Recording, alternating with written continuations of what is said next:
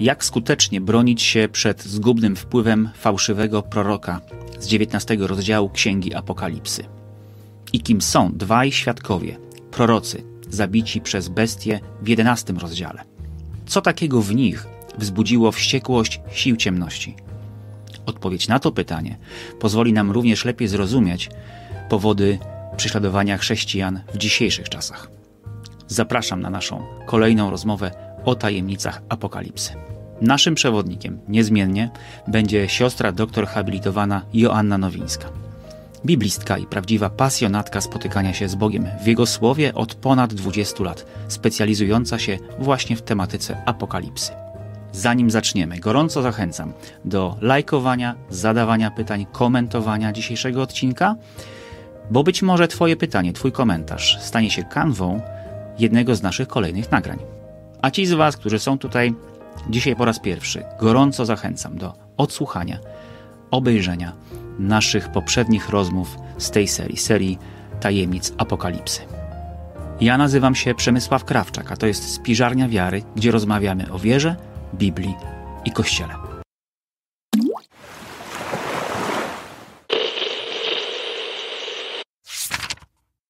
Od razu przejdę do pytania. Świadkowie w jedenastym rozdziale Apokalipsy, prorocy, prorokują. Kim są ci ludzie?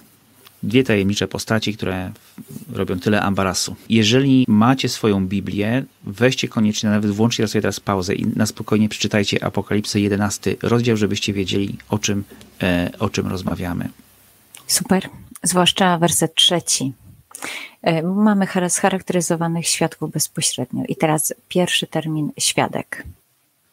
Był na miejscu wypadku, czuł smród, widział, dotykał. Nikt mu tego nie mówił. Pierwsze. Drugie. I nikt mu nie powie, że było inaczej. O, właśnie. E, mógł czegoś nie zauważyć, oczywiście. E, ale on nie domyśla się, tylko jest uczestnikiem wydarzenia. Uczestnikiem wydarzenia. I myślę, że to jest bardzo istotne. I teraz jakie obrazy nakładają się na tę rzeczywistość, bo mamy do czynienia jakby z, z kanapką, tak? Która, w formie której zostaje nam przedstawione, są nam te osoby przedstawione. E, druga nakładka, e, dwa drzewa oliwne. I teraz e, potrzebowalibyśmy się odwołać do Zachariasza. I tam, jak zerkniemy sobie do, do jego proroctwa, to doświadczymy w rozdziale, zdaje się, czwartym, tak, w rozdziale czwartym u Zachariasza e, widzimy e, dwie, e, dwie oliwki, czyli dwa drzewa oliwne, e, które dostarczają oliwy do e, dwóch e, świeczników. I z jednej strony można by było powiedzieć, jakby dwa źródła, które dają e, świecznikom materię do zapalenia. I tutaj też mamy analogicznie, że mamy dwie, dwa drzewa oliwne i dwa świeczniki.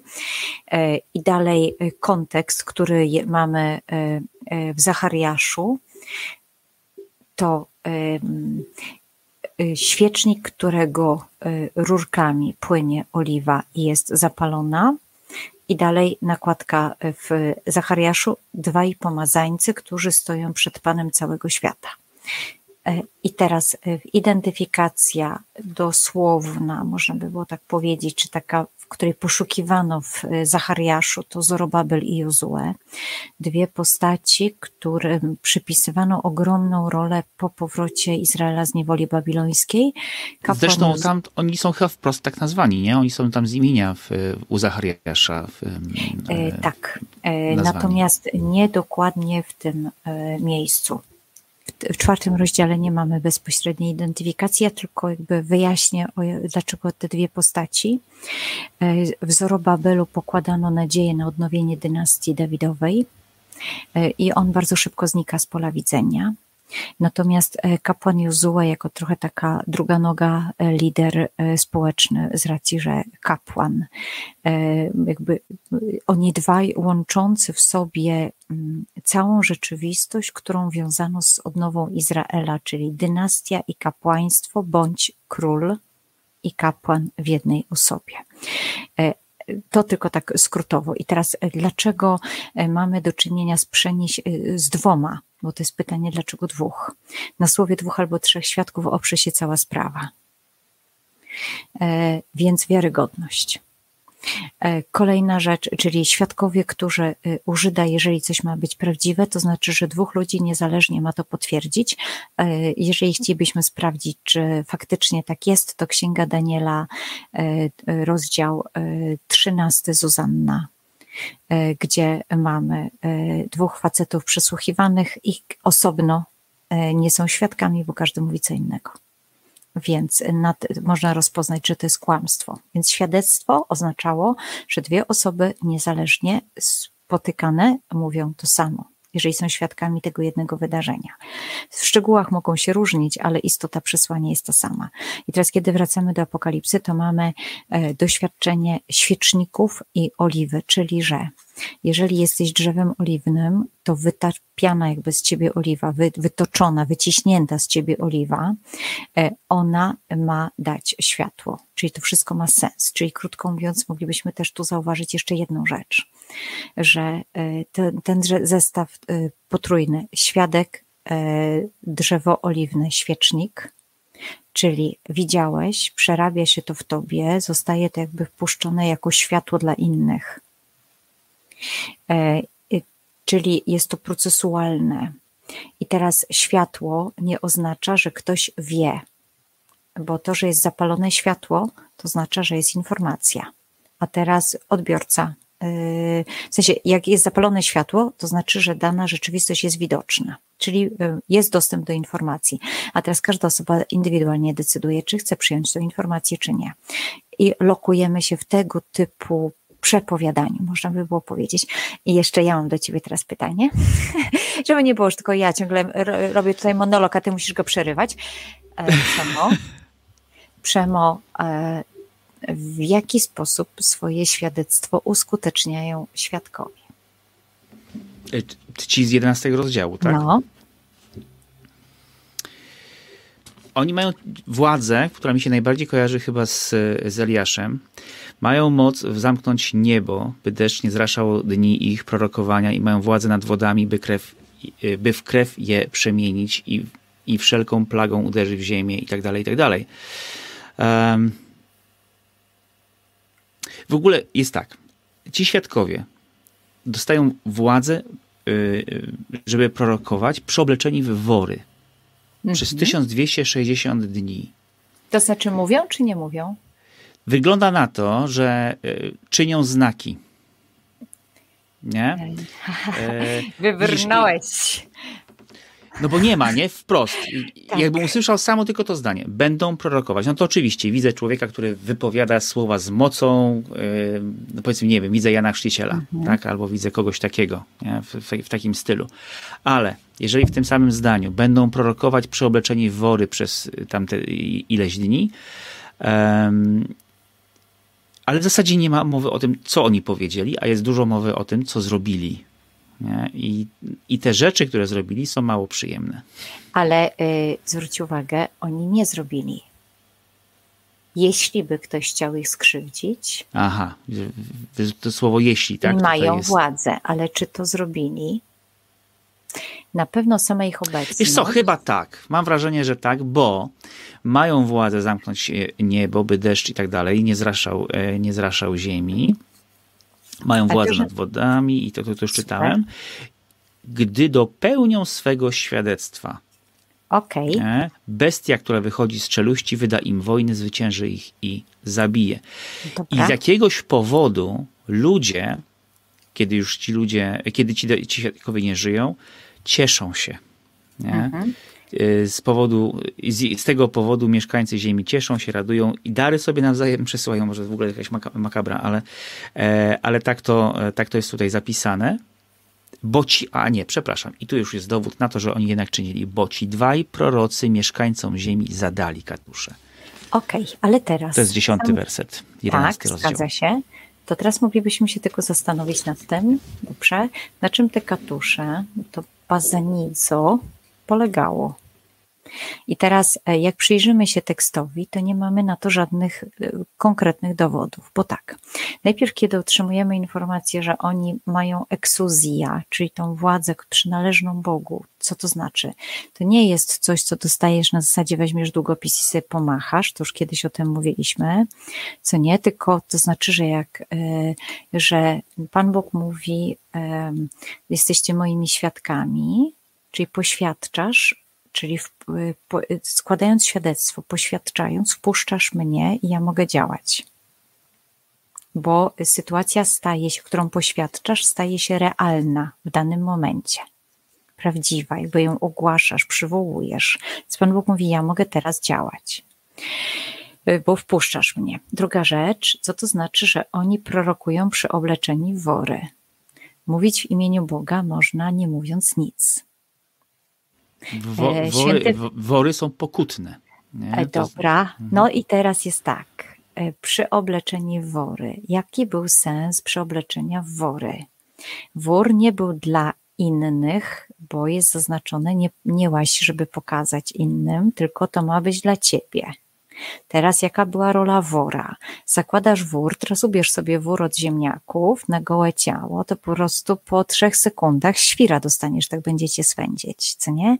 I chodziło o to, żeby drażniące włókna tego wora przywoływały ci cały czas na myśl, po co żeś ten wór ubrał. I teraz sens. Ubieram ten wór, żeby przekierować swoją uwagę na Boga, bo taki jest sens szup to jest jedno jedyne słowo, które opisuje tę rzeczywistość po hebrajsku, czyli odwrócić się w kierunku Boga. Więc jeżeli ubieram sobie ten ciuch, który każdym gryźnięciem mnie ma mi przesunąć uwagę na Boga, to nie ma mi przesunąć uwagę na ludzi, tylko na Boga. Więc jak na Boga, to ja jakby, krótko mówiąc, y, czyli będąc takim świadkiem z 11 rozdziału, mam robić to, co zrobił potem święty Franciszek, czyli chodź drugi bracie, idziemy przez wioskę głosić Ewangelię. Przeszli przez wioskę nie otwierając ust i brat mówi, no mieliśmy głosić Ewangelię. Franciszek mówi, właśnie to zrobiliśmy. Zatem przesuwaniem swojej uwagi na Boga przekazują Boga jako obecnego czym, mówiąc konkretnie, wkurzają, denerwują. Czyli myślisz, że ten, te katusze zadane mieszkańcom Ziemi to jest nic innego jak um, właśnie to uwierające świadectwo życia, coś takiego, bo jest coś takiego, nie? W, w, takiej duchowej rzeczywistości, że ludzie, którym nic nie zrobiłaś, nie? Nic, e, nic złego, ani nie powiedziałaś, ani nie zrobiłaś, reagują agresją, tylko i wyłącznie na twój styl, e, styl, styl życia. Albo nawet to... na strój. ja tego doświadczam nawet ze względu na strój.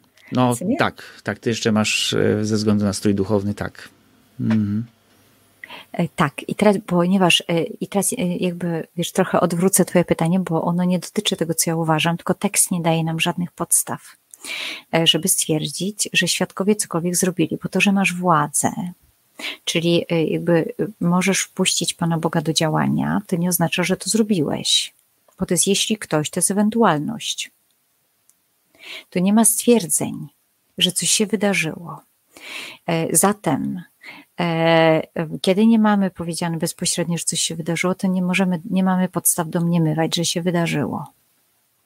Ale mamy stwierdzenie, że jest coś wkurzającego w nich co jest katuszą, czyli jest uciskiem, właśnie nie uciskiem, to jest bazanizmus, to jest e, to jest e, rodzaj takiego czegoś bardzo denerwującego, bardzo denerwującego doświadczenia, rodzaj czego, jakiejś tortury, e, która, i to może być, i to prosto się zaznacza, że może być to tortura ciała bądź umysłu, która jest zadawana komuś.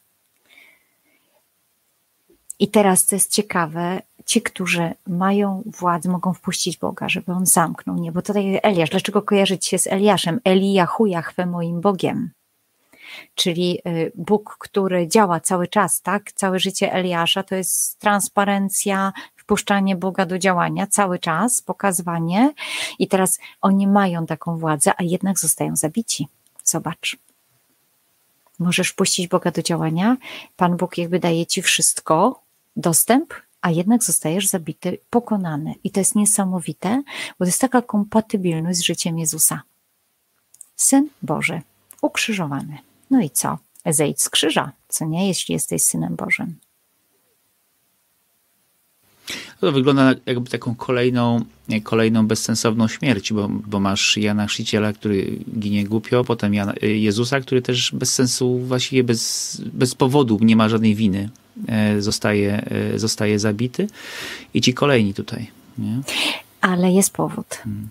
ponieważ kiedy oni zostają przez Boga wskrzeszeni do życia, to e, ludzie, którzy ich obserwują w 13 wersecie, część z nich odda chwałę Bogu nieba.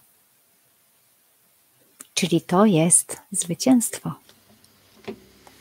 Rzeczywiście. To jest jak, jak, to jest jak ten e, setnik pod krzyżem, e, który oddaje chwałę Bogu. Prawdziwie ten był synem Bożym. Prawda? Mhm. Czyli dowódca e, żołnierzy. Tak który był świadkiem tego, że rzucali losy, przybijali Jezusa tak, wcześniej, tak. prawda? Pchali go z krzyżem. No i teraz on mówi, prawdziwie ten był synem Bożym. I teraz jest pytanie, bo tutaj mamy podwójną reakcję znowu w tym trzynastym wersecie. Z jednej strony mamy reakcję strachu, bo ludzie, których ogarnia przerażenie e, na skutek e, trzęsienia ziemi i oddaj, i ci, którzy oddają chwałę Bogu widzą wartość Boga. Teraz mamy podwójne reakcje. I teraz jest pytanie, jeśli już zajarzyłem, że to jest Pan Bóg, to mam szansę, żeby jakoś się ku niemu zwrócić, czyli prorokowanie przyniosło swój efekt. No, dla tych, do których jest y, skierowane proroctwo, rzeczywiście jest to szansa, no, ale sami prorocy to mają tutaj mocno pod górkę. Ale to nam też pokazuje, mhm. zobacz, jeśli mogę jeszcze, wiesz, że klęska, bo często jesteśmy w takiej epoce, myślę, gdzie efekt jest bardzo istotny. Oj tak, przeli... oj tak. To jest. Y, patrz, oceniamy jakość naszego działania przez jego, jego skuteczność, tak? efekt, e, efekt ostateczny, nie? czy udało się osiągnąć cel. Tak, i teraz wszystkie działania my tak naprawdę przesiewamy przez ten filtr, prawda, przez to sito. I popatrz, jakbyśmy się wycofali z czegoś takiego, a Pan Bóg mówi, ale zaczekaj, to co przy, przy trąbach, zaczekaj do końca przeczytaj do końca, zaczekaj do końca, bo to, że dzisiaj poniosłeś klęskę, może się okazać, że twoja dzisiejsza klęska sprawi, że ktoś zobaczy wartość Boga. Nie ulegaj dyktaturze skuteczności. Tak. Takiej doraźnej, bieżącej skuteczności. Mhm. Tak, i jeżeli dzięki Tobie, dzięki Twojej klęsce ktoś zobaczy Boga, to zobacz, ile nas, jak no nas uwalnia. Ile działań ewangelizacyjnych, które mieliśmy wrażenie, że po prostu bez sensu spełzło na pan, y, spaliło się na dzień dobry, prawda? Spełzło na niczym ile naszych błędów, gdzie człowiek sobie myśli, kurczę, taka znajomość, taki przekaz zawalony w ogóle.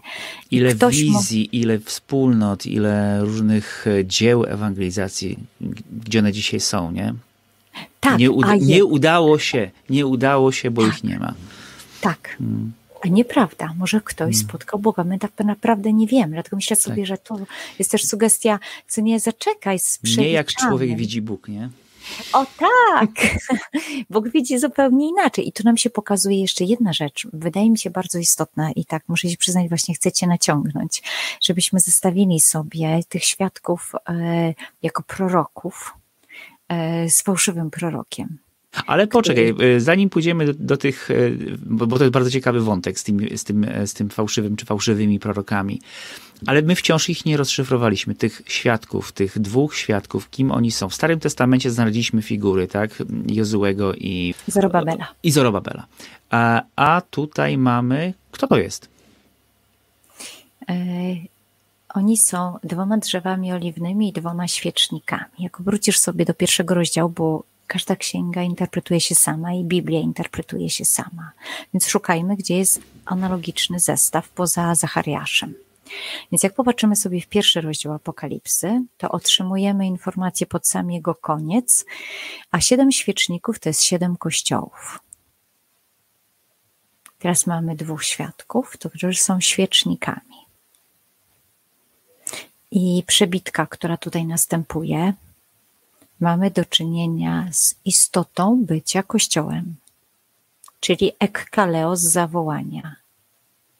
Zawołany przez Boga, odpowiedziałem, idę ku Bogu, poświadczam Jego rzeczywistość, dzieje apostolskie poświadczamy y, życie Jezusa, poświadczamy Jego śmierć i zmartwychwstanie.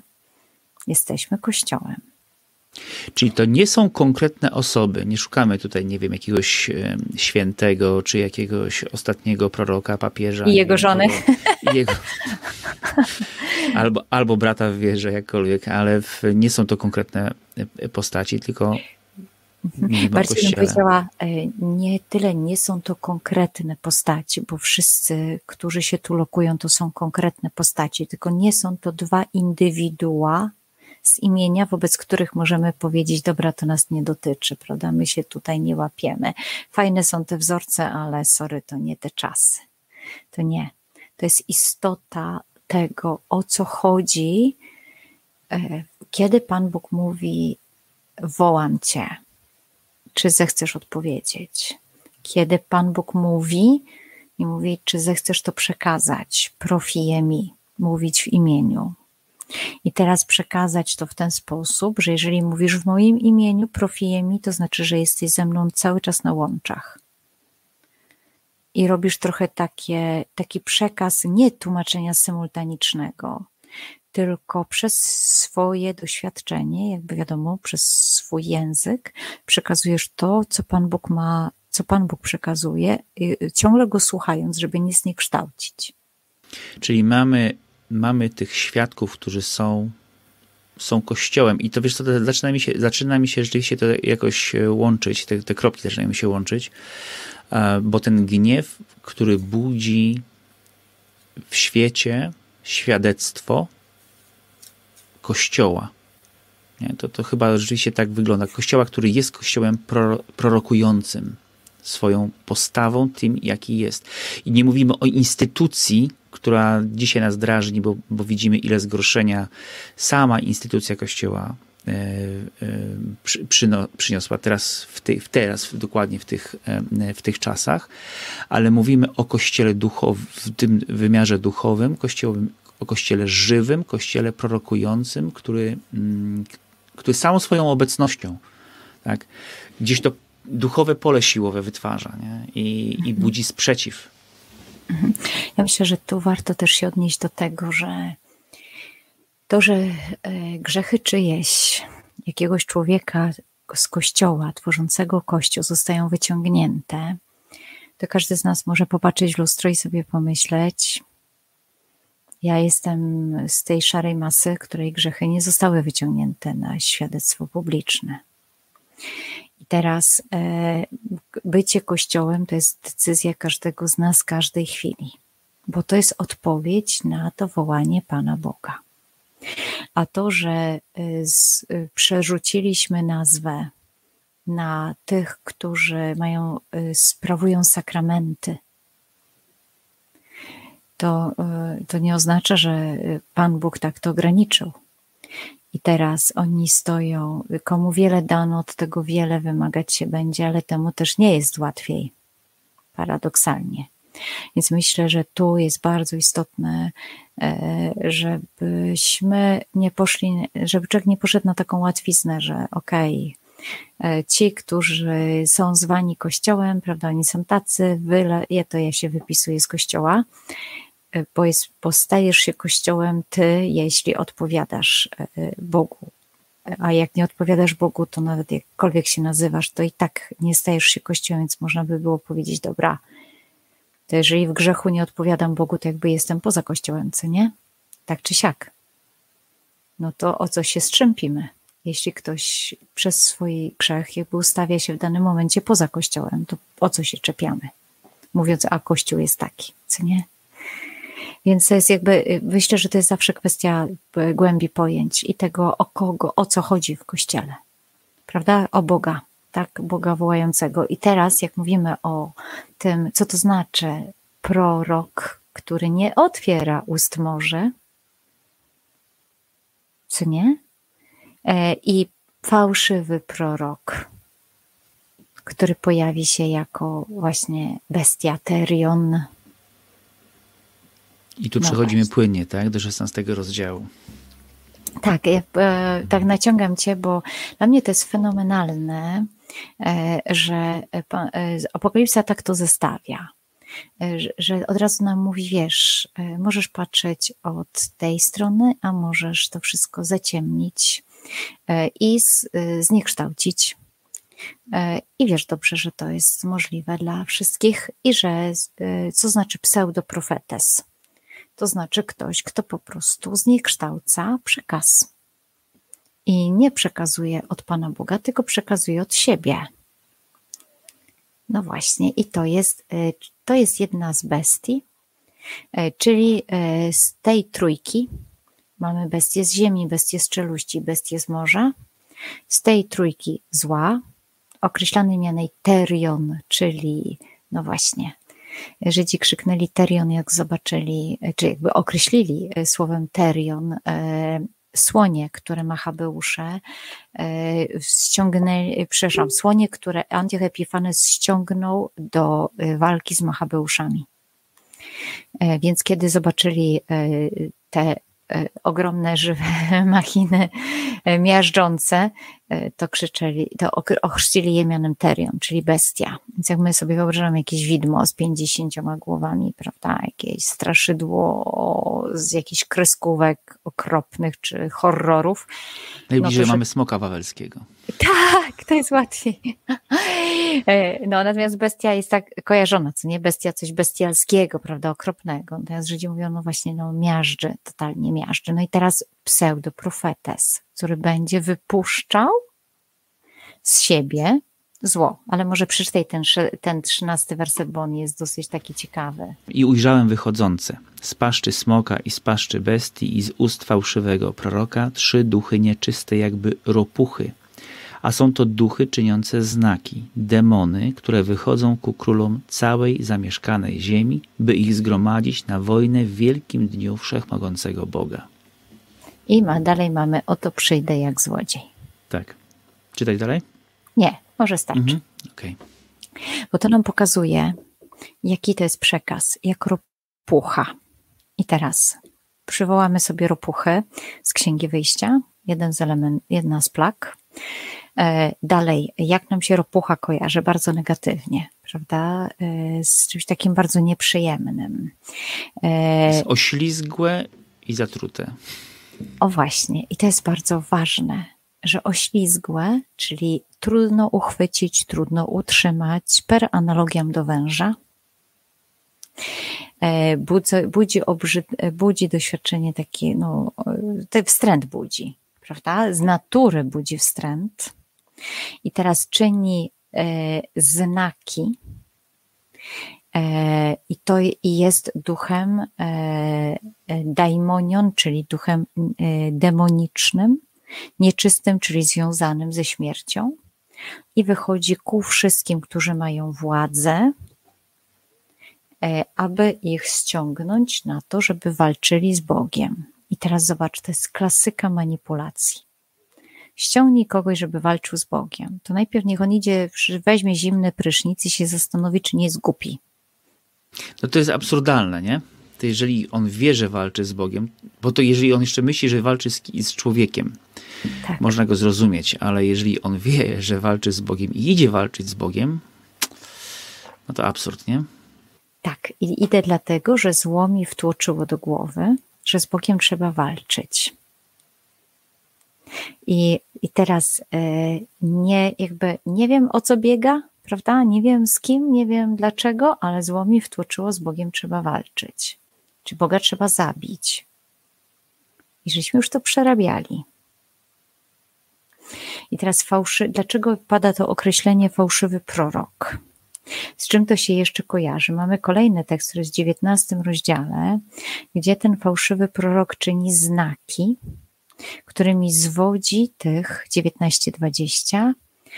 E, pochwycono bestię z nią fałszywego proroka, który czynił wobec niej znaki, którymi zwiódł tych, co wzięli znamie bestii i oddawali pokłon jej obrazowi.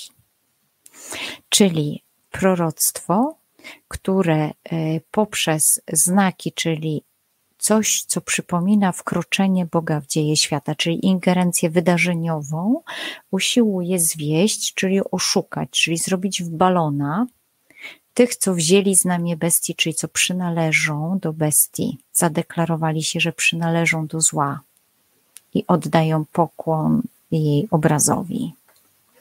I teraz y, zwodzenie jako element fałszu. Jakie to jest istotne, jak czasem y, y, mówienie czegoś, że Pan Bóg tak uważa, co nie? Albo Pan Bóg cię ukaże, co nie?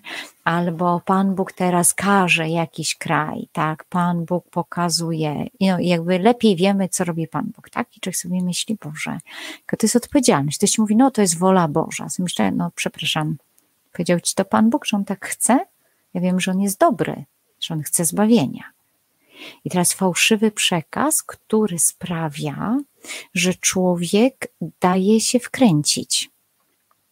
Myślę, że. Wiesz, bo no. to jest chyba dlatego tak ważne dla sił ciemności, mhm. że, że nie ma żadnej innej siły i żadnego innego sposobu na to, żeby ludzi od Boga odciągnąć, ponieważ y, zło nie ma autorytetu y, do tego, żeby siłą kogoś no, zmienić jego kurs, jego relacje.